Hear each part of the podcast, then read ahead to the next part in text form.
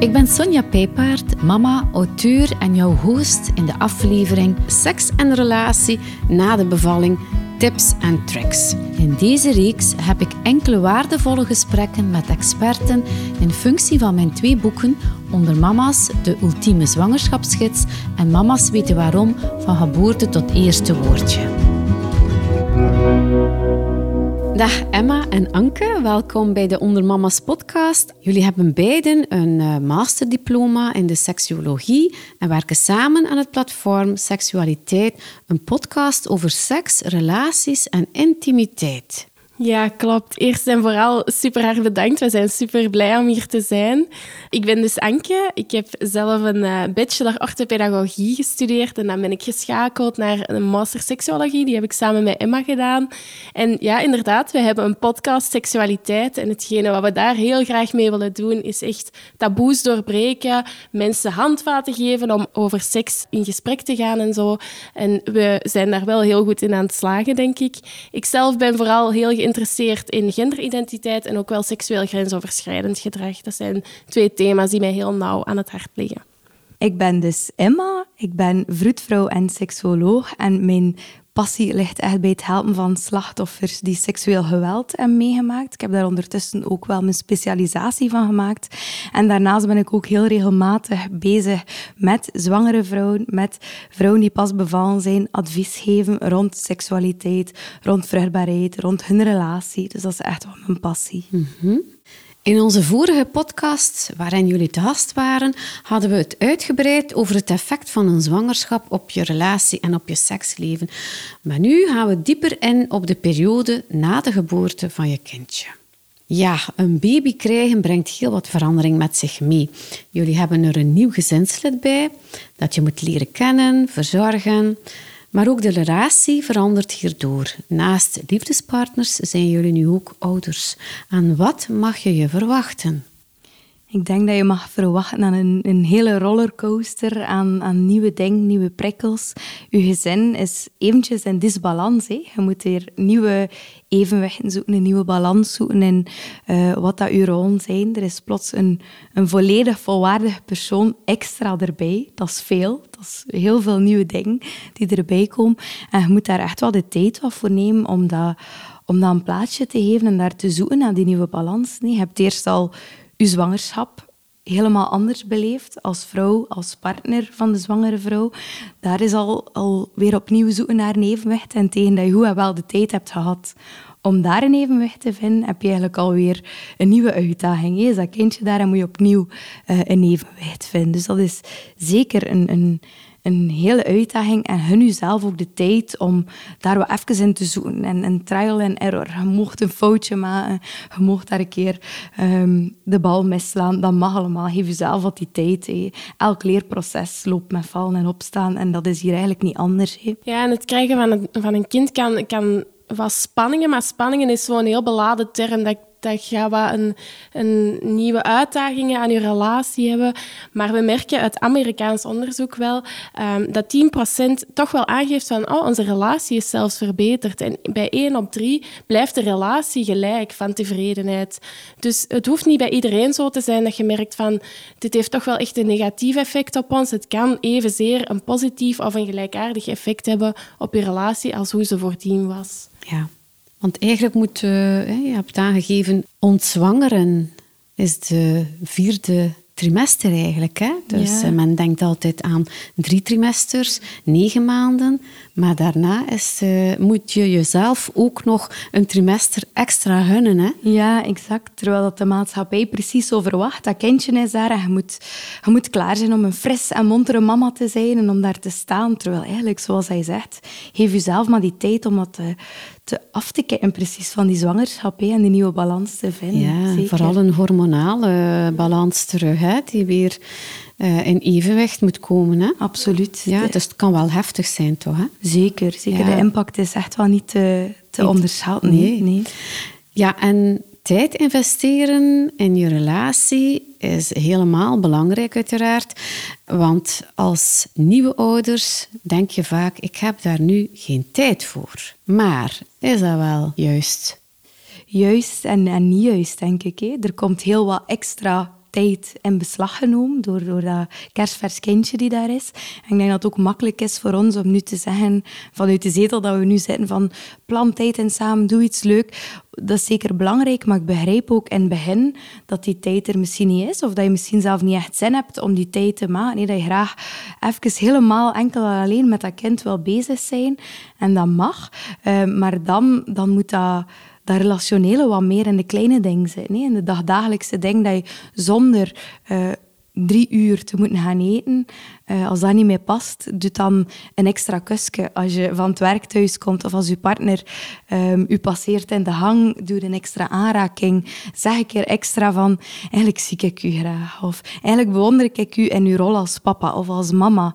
Dat zijn de dingen waarin dat je zeker kan investeren zonder daar bakken tijd aan te moeten geven. Dat kan bij ze van spreken zelf terwijl je een pamper aan het verversen bent. Gewoon zeggen van, ah, je doet dat toch zo goed. Dat zijn zo'n belangrijke dingen in die relatie, om dat elkaar dan nog het gevoel te geven van we zijn ook nog partners en we zien elkaar ook nog graag los van onze rol als ouder. En ik denk, naast de tijd die dan geleidelijk aan wat meer vrijkomt en dat je dan geleidelijk aan wat meer kan investeren in je relatie terug, is in eerste instantie dan een hele belangrijke. Die kleine alledaagse dingetjes. Die kleine vonkjes blijven aanwakkeren, hè? die kleine dingen naar elkaar toe doen. Ook, dat hoeft niet altijd zo iets zwaar te zijn van ik zie u graag, maar ook zo eens een keer met elkaar om iets banaal lachen. Of, dat zijn echt de kleine dingen waar dat je energie uit haalt en waarbij dat je je relatie zo wel wat brandend houdt, om het zo te zeggen. Ja. Mooie tips om naast ouders ook lovers te blijven. Hè? Ja. Dat is het eigenlijk. Hè? Want ja, een babytje vraagt veel aandacht van jou en je partner. Uh, ja, heb je wel in de eerste maanden tijd om samen tussen de lakens te duiken. Maar misschien wordt geen tijd, en ik ben te moe, maar al te vaak te gemakkelijk gebruikt dat kan misschien wel, dat dat, dat vaak, vaak wat zo'n beetje een, patroon is dat je in het begin gebruikt en dat dat zo wat blijft nazenden. Zo weet dat je plots merkt, oeh, we zijn hier nu een jaar of, of een jaar en een half verder en eigenlijk is er nog altijd niet meer echt weer iets, iets opgewakkerd. Ik denk dat daar ook heel belangrijk is om te beseffen dat zin in seks dat kan spontaan komen, maar eigenlijk zien we dat dat bij de minderheid van de mensen dat dat spontaan komt. Dat dat bij heel veel mensen iets is wat dat moet opgewakkerd worden. Dus dat heel weinig mensen zeggen van, oh, ik heb nu zin en ik zou nu kunnen seks hebben. Zeker als je wat moe bent, als je lastige periode achter de hebt, zien we vaak dat mensen dat niet per se voelen, maar wel ergens voelen van oh ja, misschien als ik mij nu zou openstellen, zou ik het misschien wel kunnen voelen. Zou ik die zin wel kunnen opwekken. En dat is ook iets belangrijk om te weten voor beide partners. Van oké, ehm, door te zeggen, gaan we nu alsjeblieft nog een keer seks hebben, want het is lang geleden, ga je het niet opwekken. Waardoor ga je het opwekken, dat is heel afhankelijk, maar door iets te doen dat je partner fijn vindt. Ehm, als je weet van, ah, mijn partner heeft echt wel wat romantiek nodig om seksueel te kunnen zijn, ja, voorziet dat dan een keer voor je partner. Zonder dan te zeggen, we moeten nu terug seks gaan hebben, want het is alweer lang geleden. Of we zijn alle twee moe altijd, we moeten dat nu doorbreken. Dus zoek dat zo op een andere manier om dat zo ja, te laten opwekken terug. Ja, want een kindje krijgen is een mooie maar heftige fase. En uh, hoewel een kindje jullie verbindt, het kan er ook voor zorgen dat de relatie wat uit balans geraakt. Hè? Die tips die jullie geven uh, om ja, hoe hiermee om te gaan zorgen ervoor dat je elkaar op een, uh, op een romantische manier terug kan vinden, zonder dat het dus geforceerd overkomt. Want dan zou het wel een keer kunnen lang duren eer dat uh, helemaal in orde komt. Ja, en hoe, hoe meer beladen dat wordt, hoe zwaarder dat wordt, hoe moeilijker dat, dat is om daar terug uit te geraken. Ja, ja. Als je zo meer en meer het gevoel hebt van ah, nu moeten we echt wel, nu moeten we echt wel weer uh, seksueel actief worden, hoe langer dat je zo in die fase zit, hoe moeilijker dat, dat wordt om precies die drempel terug over te gaan. Hè? Ja, en probeer bij je eigen ook wel na te gaan van wat maakt nu dat ik het gevoel heb van oh, we moeten terug seksueel actief zijn? Is dat echt iets dat intrinsiek in u zit van ik wil dat echt oprecht? Of mijn partner wil dat oprecht? Of is dat eerder ook wat een maatschappelijke verwachting van ja, ooit, je bent een koppel, dus je moet seks hebben. Ja, dat is ook wel belangrijk om daar wat kritisch tegenover te staan. Van, van waar komt dat nu eigenlijk dat ik het gevoel heb dat ik nu al moet, terwijl als beide partijen ermee akkoord zijn, omdat het nog niet in het leven past of dat, dat je er momenteel geen ruimte voor kunt maken, dan is dat ook helemaal prima. Hè? En het is belangrijk om dat ook tegenover elkaar uit te spreken, want wie weet spreekt uw partner het uit omdat hij of zij het gevoel heeft van oh, mijn partner wil dat, terwijl dat dat helemaal niet het geval is.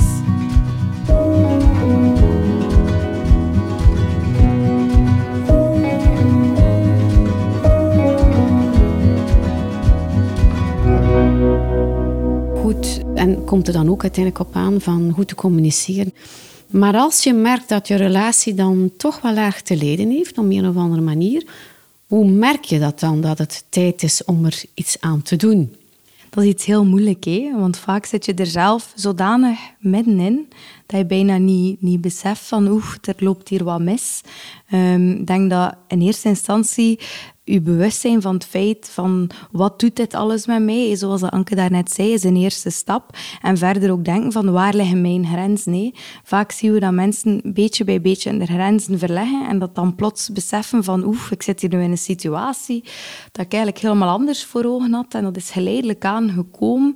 Ehm, het is heel moeilijk om dat op tijd te voelen. Ja. Uh, besef dat zelf ook wel, dat dat, dat dat eigenlijk makkelijker is om van buitenaf te zien dan als je dat bij jezelf moet ervaren.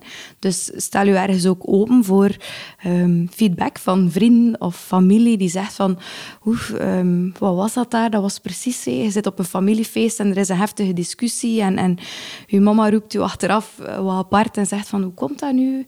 Eh, staat daar dan ook een bij stil van oké, andere mensen merken dat hier ook. Ik voel ik ook dat er iets knaagt en, en schrijf dat dus nooit een keer op van wat, wat stoort er mij nu? Wat loopt er hier nu mis? Dat kan heel verhelderend werken. Maar gewoon bewust ermee bezig zijn is denk ik het enige wat je echt kan doen om, om te voelen van wanneer is het nu tijd om in te grijpen? Wanneer gaat wordt het hier nu te slecht, deze relatie?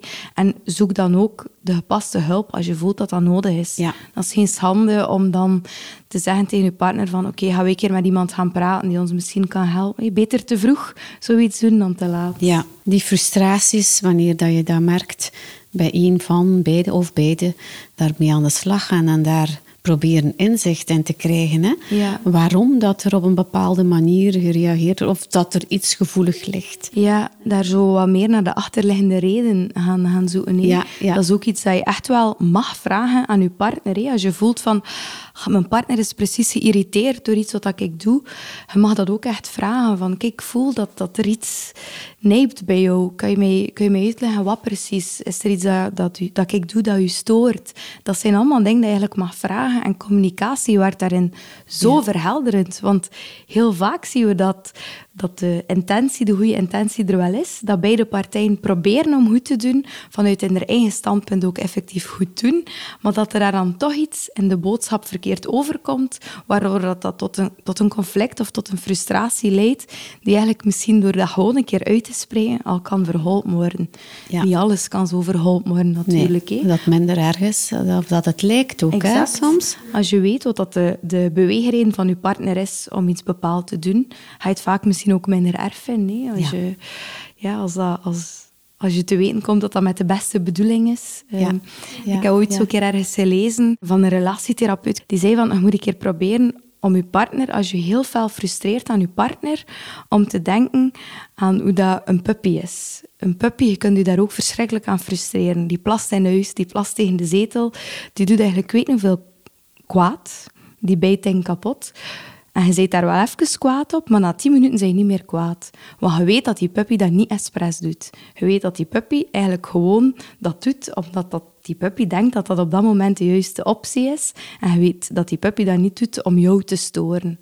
Maar van onze partner denken we wel heel vaak, ah, die doet dat nu echt om mij te kwellen. Die doet dat nu echt om ambetant te zijn. Terwijl dat heel vaak niet zo is. Terwijl er daar heel vaak een andere intentie achter zit. Ja. Ja, en we mogen ook niet vergeten, het ouderschap brengt heel veel nieuwe uitdagingen met zich mee. Dat zijn ontzettend veel nieuwe dingen die dat je samen moet, moet bespreken. En het is logisch dat, daar, dat dat soms eens de verkeerde kant uit kan lopen. En ja, het is gewoon belangrijk om daar te blijven bij stil te staan. En inderdaad, wat je zegt, wat zit daarachter en hoe voelen we ons daar allebei bij? Maar ja, we, we zeggen heel veel communiceren, communiceren, communiceren, maar het is niet altijd even gemakkelijk en je hebt daar op die moment misschien niet altijd de energie voor.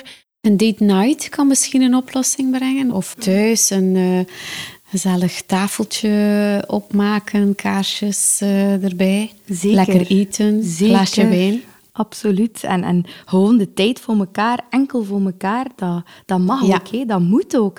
Ik denk, het maakt u zeker geen slechte ouder als je zegt, vanavond doen we ons, ons zoontje of ons dochterke een keer een dag naar de grootouders of een avond naar de grootouders en nemen we tijd voor onszelf. Niet om, om weg te gaan of met vrienden iets te doen, maar gewoon om een avond thuis te zijn, samen, of eh, een keer een uitstap te doen samen, eh, dat jullie als koppel deugd van hem. Dat maakt jullie net goede ouders dat je dat doet. Dat Ja. jullie zo op die manier jullie relatie ook onderhouden.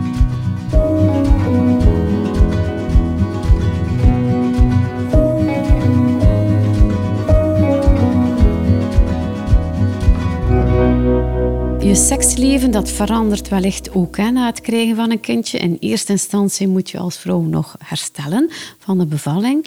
En er is zo wel een beetje een termijn wanneer je mag of kan eh, terugvrijen na een natuurlijke bevalling. Ook misschien verschillend eh, als je bevallen bent met een keizersnede. Ja, hoe zit dat nu met die periodes?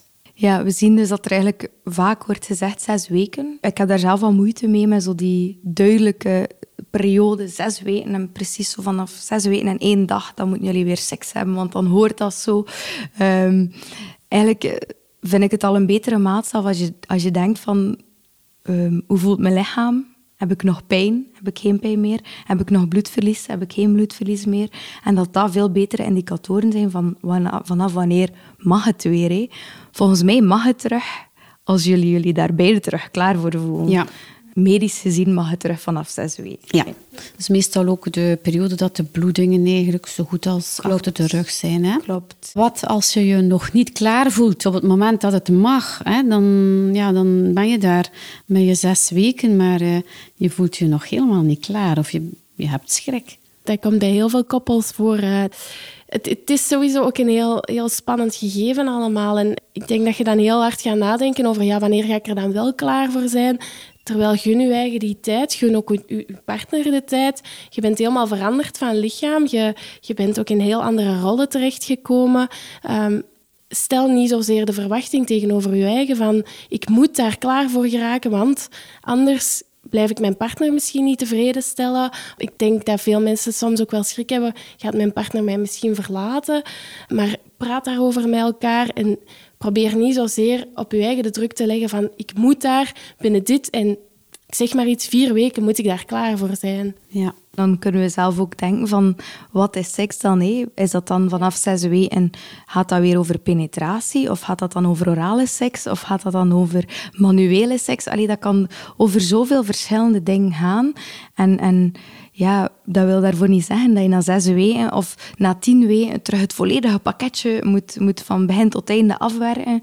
Laat dat weer ergens stap voor stap gewoon ontstaan en probeer daarom daar zo weinig mogelijk druk op te leggen voor jezelf en voor je partner. En, en zie het misschien eerder als niet vanaf zes weken mogen we weer seks hebben, maar vanaf zes weken zou het wel een keer kunnen zijn dat dat weer gebeurt. Ja. En als je met die mindset probeert Ja. daarnaar te kijken, dan ga je op een heel andere manier die periode beleven, dan, dan gaat dat eerder weer iets zijn van oeh, zou het nog een keer? En, en misschien eerder zo dan, het is nu zes weken en nu zal het wel weer moeten. De eerste keer seks na de bevalling. Je kijkt er misschien niet altijd naar uit of het voelt wat spannend, onwennig. Het kan je ook kriebels in de buik geven. Maar hoe kan je sowieso positief uitkijken naar dit moment? Want denk zo dat als je positief er naar uitkijkt, dat je dan ook op een andere manier eh, je lichaam voorbereidt. Terwijl dat je anders, als je schrik hebt en je bent krampachtig, dat je dan niet mee gaat kunnen in, eh, in de flow van het moment. Hè? Klopt, dat je dan eigenlijk al gaat opspannen en dat je gaat denken, oeh, ik ga pijn hebben, ik ga pijn hebben. En puur door de gedachte en het opspannen alleen al, gaat dat dan zichzelf bevestigen en ga je ook effectief misschien wel die pijn hebben. hè. Ehm, dus het is inderdaad, zoals hij zegt, heel belangrijk om daar te proberen op een positieve manier tegenaan te kijken. En misschien net te zien als, als die spanning terug van de eerste keer. Dat misschien na een aantal maanden of jaren een relatie op voorhand misschien weer weg was. Uh, je kunt dat op die manier bekijken. Je kunt er ook naar uitkijken in de zin dat je denkt van oké, niets moet. Hè.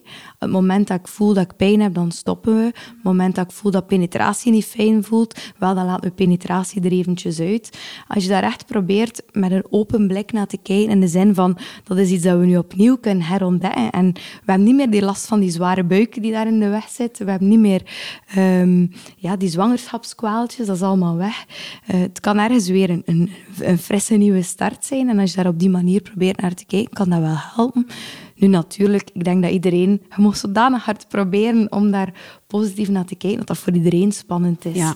Um, ik denk dat elke eerste keer iets nieuw doen weer iets spannend is. En dat is niet anders voor dit. Nee. En als je dan pijn ervaart, wat doe je dan best op dat moment?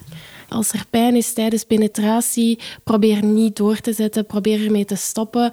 We zien ook de pijncirkel dat zet zich gewoon verder. Want de volgende keer ga je terugdenken aan die moment van ik had zoveel pijn toen. Je begint automatisch terug krampachtig op te spannen, waardoor dat je opnieuw wordt bevestigd in die pijn.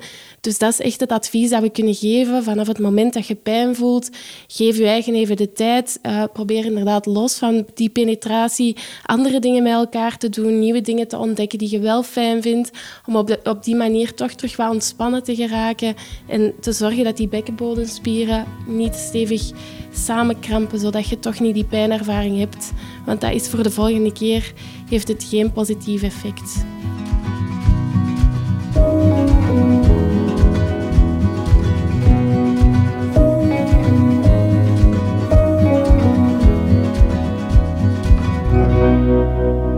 Is het zo dat uh, vrouwen na hun bevalling minder zin kunnen hebben in seks? Ik denk, ja, alles, alles in uw omgeving heeft invloed op je zin in seks. Dus ik denk vermoeidheid, door bijvoorbeeld de knip, door de bevalling, de gedachte aan de bevalling. dat, dat zijn allemaal dingen die er inderdaad kunnen voor zorgen dat je minder zin hebt in seks. Dat kan. Maar het kan even goed zijn dat je heel hard verschiet van jezelf en dat je bijna het omgekeerde effect hebt. Dat je denkt van, oh, ik ben nu niet meer zwanger, nu ben ik eigenlijk wel weer de vrouw dat ik was ervoor. En, en dat je zo ergens die herbeleving weer een beetje voelt. Dus dat kan even goed zijn. Um, en beide scenario's zijn eigenlijk heel normaal heel oké. Nu, het ene vind je misschien zelf wel leuker dan het andere, maar je hebt er vaak weinig invloed op. En er zijn wel manieren om die zin dan, zoals ik eerder zei, wat op te wennen. Ja, want ja, er, zijn, er is een rol bijgekomen. Je bent mama, hè, je wordt mama. En als je daar te veel in opgaat, ja, je bent mama, je bent verzorgend, bezig vooral. Maar je bent ook nog vrouw. Hè? Dus dan kan het wel belangrijk zijn om je daar ook bewust van te worden. Hè? Ja, inderdaad. En dat zit in kleine dingen. Hè. Probeer je eens een keer op te kleden en doe hakken aan. En probeer wat uit die moederrol. Ik weet dat het soms fijn is om dan in een joggingbroek en een losse lobbertrui of een slobbertrui te zitten. Maar probeer je dan eens op te kleden en echt terug dat vrouw zijn in je aan te wakkeren. En ja, probeer een date night in te plannen waarbij dat je wat de gesprekken over de kinderen probeert te mijden. Um, echt terug die passie probeert aan te wakkeren tussen beiden. Om toch wel op die manier terug zo dat uit die rol van mama zijn, om terug even die partner te zijn. Ja, en ook als je moeite ervaart om uit die rol van mama te komen, besef dan ook dat mama's ook sexy mogen zijn. Hè. Ik ken echt wel heel veel mama's dat ik sexy, knappe vrouwen vind. ik denk, die mogen ook sexy zijn en die mogen zich ook sexy voelen. Um, dus je hebt twee opties. Ofwel probeer je wat uit die, uit die rol te stappen. Ofwel denk je van, oké, ik ben nu mama, maar ik ben wel echt een sexy mama. En dat mag ook, dat is even goed. Ja. Het is helemaal niet nodig hè, van er een negatief lichaamsbeeld op na te houden. Want uh, Zeker niet. het kan eerder andersom zijn, eh, dat het een positief uh, effect heeft op je seksleven. Hè? Ja, ja. en, en we moeten ook proberen om een beetje af te geraken van dat, hoe belangrijk dat ons lichaam is voor, voor seksualiteit. Eigenlijk hebben we allemaal een lichaam die seks kan hebben. En dat is eigenlijk al in eerste instantie het belangrijkste van elk lichaam. Hoe zwaar of hoe smal dat ook is, kan het wel. Um, en voor de rest is het allemaal eigenlijk maar interpretatie en waarde dat wij eraan hechten. Dat we moeten slank zijn, dat er daar geen kuiltjes mogen in zijn en dat er daar geen streamen op mogen staan. Dat is allemaal interpretatie. En als je overgaat naar wat voel ik nu? In plaats van, hoe zie ik er nu uit en zie ik er wel sexy uit? Dat is een hele verschuiving in gedachten. Nee, als je probeert je te focussen op, amai, die aanraking uh, over mijn kuit, dat vind ik fantastisch. Of die zachte vingers over mijn rug, dat doet mij zoveel deugd. Als je je daarop focust in plaats van, ja, ik zit nu van boven en mijn buikje, dat wiebelt waarschijnlijk wel een beetje. Of, of mijn armen zijn wat minder en mijn, of mijn borsten hangen wat meer. Ja, als je je daar minder op focust en meer van, oh, dit voelt zo fijn, dit voelt zo leuk, dan heb je een heel andere manier van die seksualiteitsbeleving. Hè. We zijn maar goed dat we daar een, uh, onszelf als ons beste vriendin zien elke dag in de spiegel. Hè. Klopt. En dat we trots mogen zijn op wat ons lichaam heeft gepresteerd. Zeker. Dat is een andere manier van... Uh, ja, ja, en ik denk opnieuw ook um, sociale media probeer daar alsjeblieft wat kritisch tegenover te staan. Er zijn zoveel profielen van mama's die ineens toch super slank zijn en precies alsof die geen, geen bevalling hebben gehad. Denk alsjeblieft daarover na dat dat niet de realiteit is. Probeer echt uw lichaam te omarmen hoe dat het is na je zwangerschap. Want wauw, wat heeft uw lichaam allemaal gedaan tijdens die periode en ook nadien nog, hè, borstvoeding geven.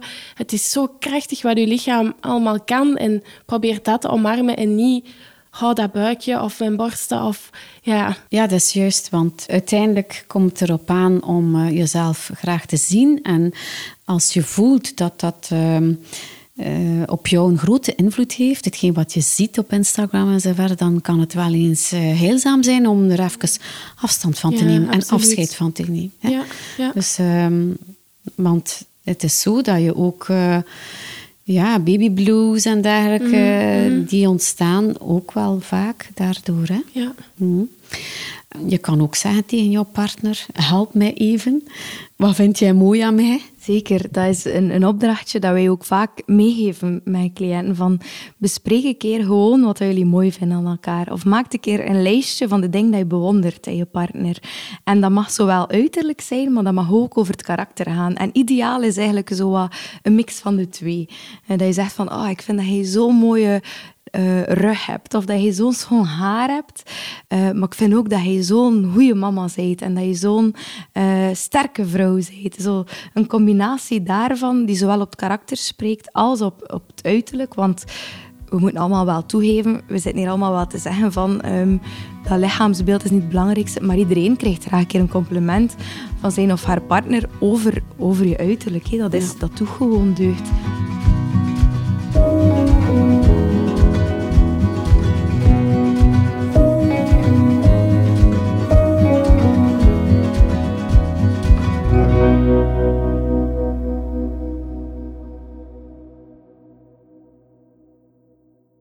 Een mama die borstvoeding geeft, hè, daar verandert er ook heel wat in het lichaam, want die produceren prolactine.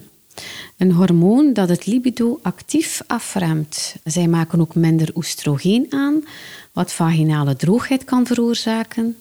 Is dit hier reden tot paniek dan? Of is dit niet bij iedereen even hard de oorzaak van ja, een, een, een minder libido? Het is zeker geen reden tot paniek, denk ik dan. Ehm, het kan zijn dat dat effectief, hè, die hormonen hebben zeker een invloed, dus dat kan wel zijn dat je die effecten merkt.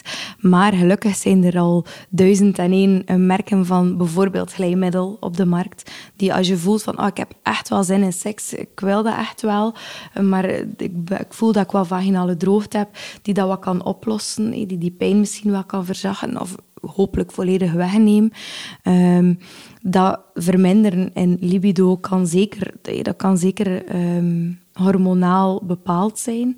Ehm, maar ook daar is dat weer iets dat je ergens kan actief gaan opwekken, dat je ergens naar op zoek kan. Ehm, dus ook dat is voor mij geen reden tot paniek.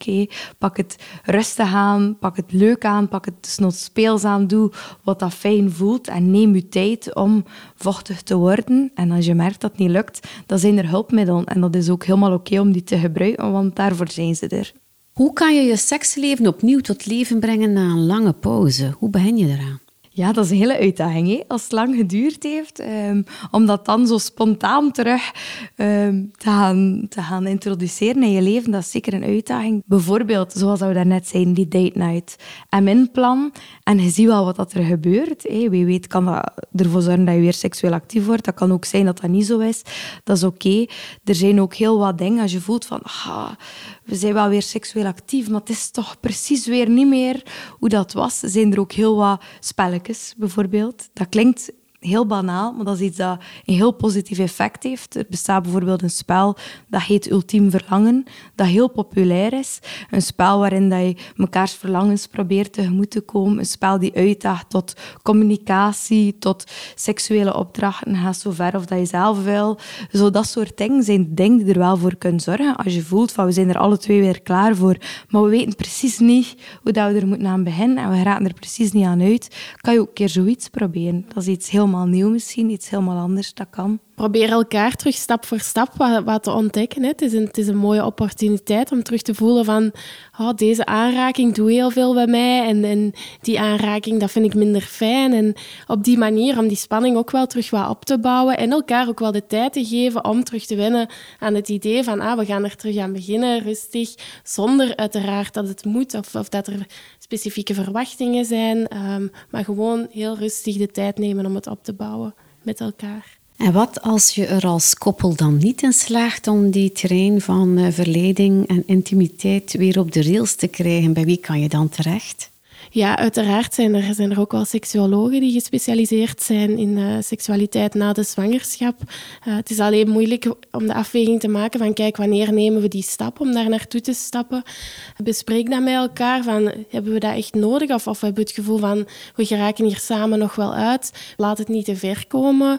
Uh, probeer zeker op tijd in te grijpen. Luister bijvoorbeeld naar een podcastaflevering waarin dat je... Allee, dat is een heel laagdrempelige manier zonder dat je het heel beladen professionele hulpverlening zoekt. Um, er zijn heel veel boeken die dat daar rond geschreven zijn ook. Ja, ook kan je, kan je proberen bij jezelf alweer... Um Bijvoorbeeld, er zijn via Lotte Lust, weet ik, zijn er uh, erotische podcasts dat je kan luisteren. Als je voelt van dat komt precies niet bij mij, is dat ook iets dat ik hier kan proberen. Nee, echt die erotiek bewust gaan opzoeken, dingen gaan opzoeken die je misschien seksueel prikkelen, zonder dan dat direct met je partner te hoeven doen. En dan eerst het wel over die boeg te gooien. Um, er zijn heel wat websites ook met erotische verhalen om te lezen dan. Je hebt de podcast inderdaad, er zijn duizenden en één mogelijkheden. Maar ik denk wel, als je echt voelt van dit ga je nu tussen ons staan als koppel, ja, ga dan zeker een keer langs bij een seksoloog. In principe, soms met één of twee consultaties kan dat al kan dat al precies stukken beter zijn en kan dat probleem precies al zo banaal lijken. Ehm, maar als je gewoon iemand hebt die daar een keer met nuchtere kijk naartoe kan kijken en u een aantal concrete tips en tricks kan geven om dat terug op te wekken, ja, waarom zou je dat dan niet doen? Nee? Hebben jullie nog een ultieme tip voor mama's die pas mama geworden zijn en nog wat struggelen met hun en mama zijn en sekspartner zijn? De ultieme tip dat ik heb, mama's mogen ook sexy zijn. Dat is echt mijn ultieme tip. Weet dat niet is omdat je mama zei dat je nu precies niet meer mag vrouw zijn, niet meer mag sexy zijn, niet meer mag speels zijn, um, niet meer mag porno bijvoorbeeld. Dat zijn allemaal dingen die ook mag als mama. Um, dus dat is mijn ultieme tip. Weet dat mama's ook sexy mogen zijn daarbij komen, denk ik, heel belangrijk om, om wat los te komen ook van heel het beeld van seks is penetratie. Want inderdaad, na de zwangerschap is dat niet allemaal even evident. Het kan wel eens pijn doen.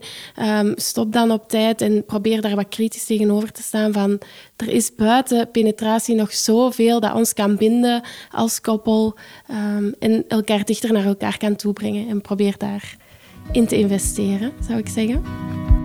Zo, dankjewel Emma en Anke voor dit interessante gesprek. Ik denk dat we vandaag heel wat mama's een antwoord boden op al hun vragen. Ja, super hard bedankt uh, om ons uit te nodigen.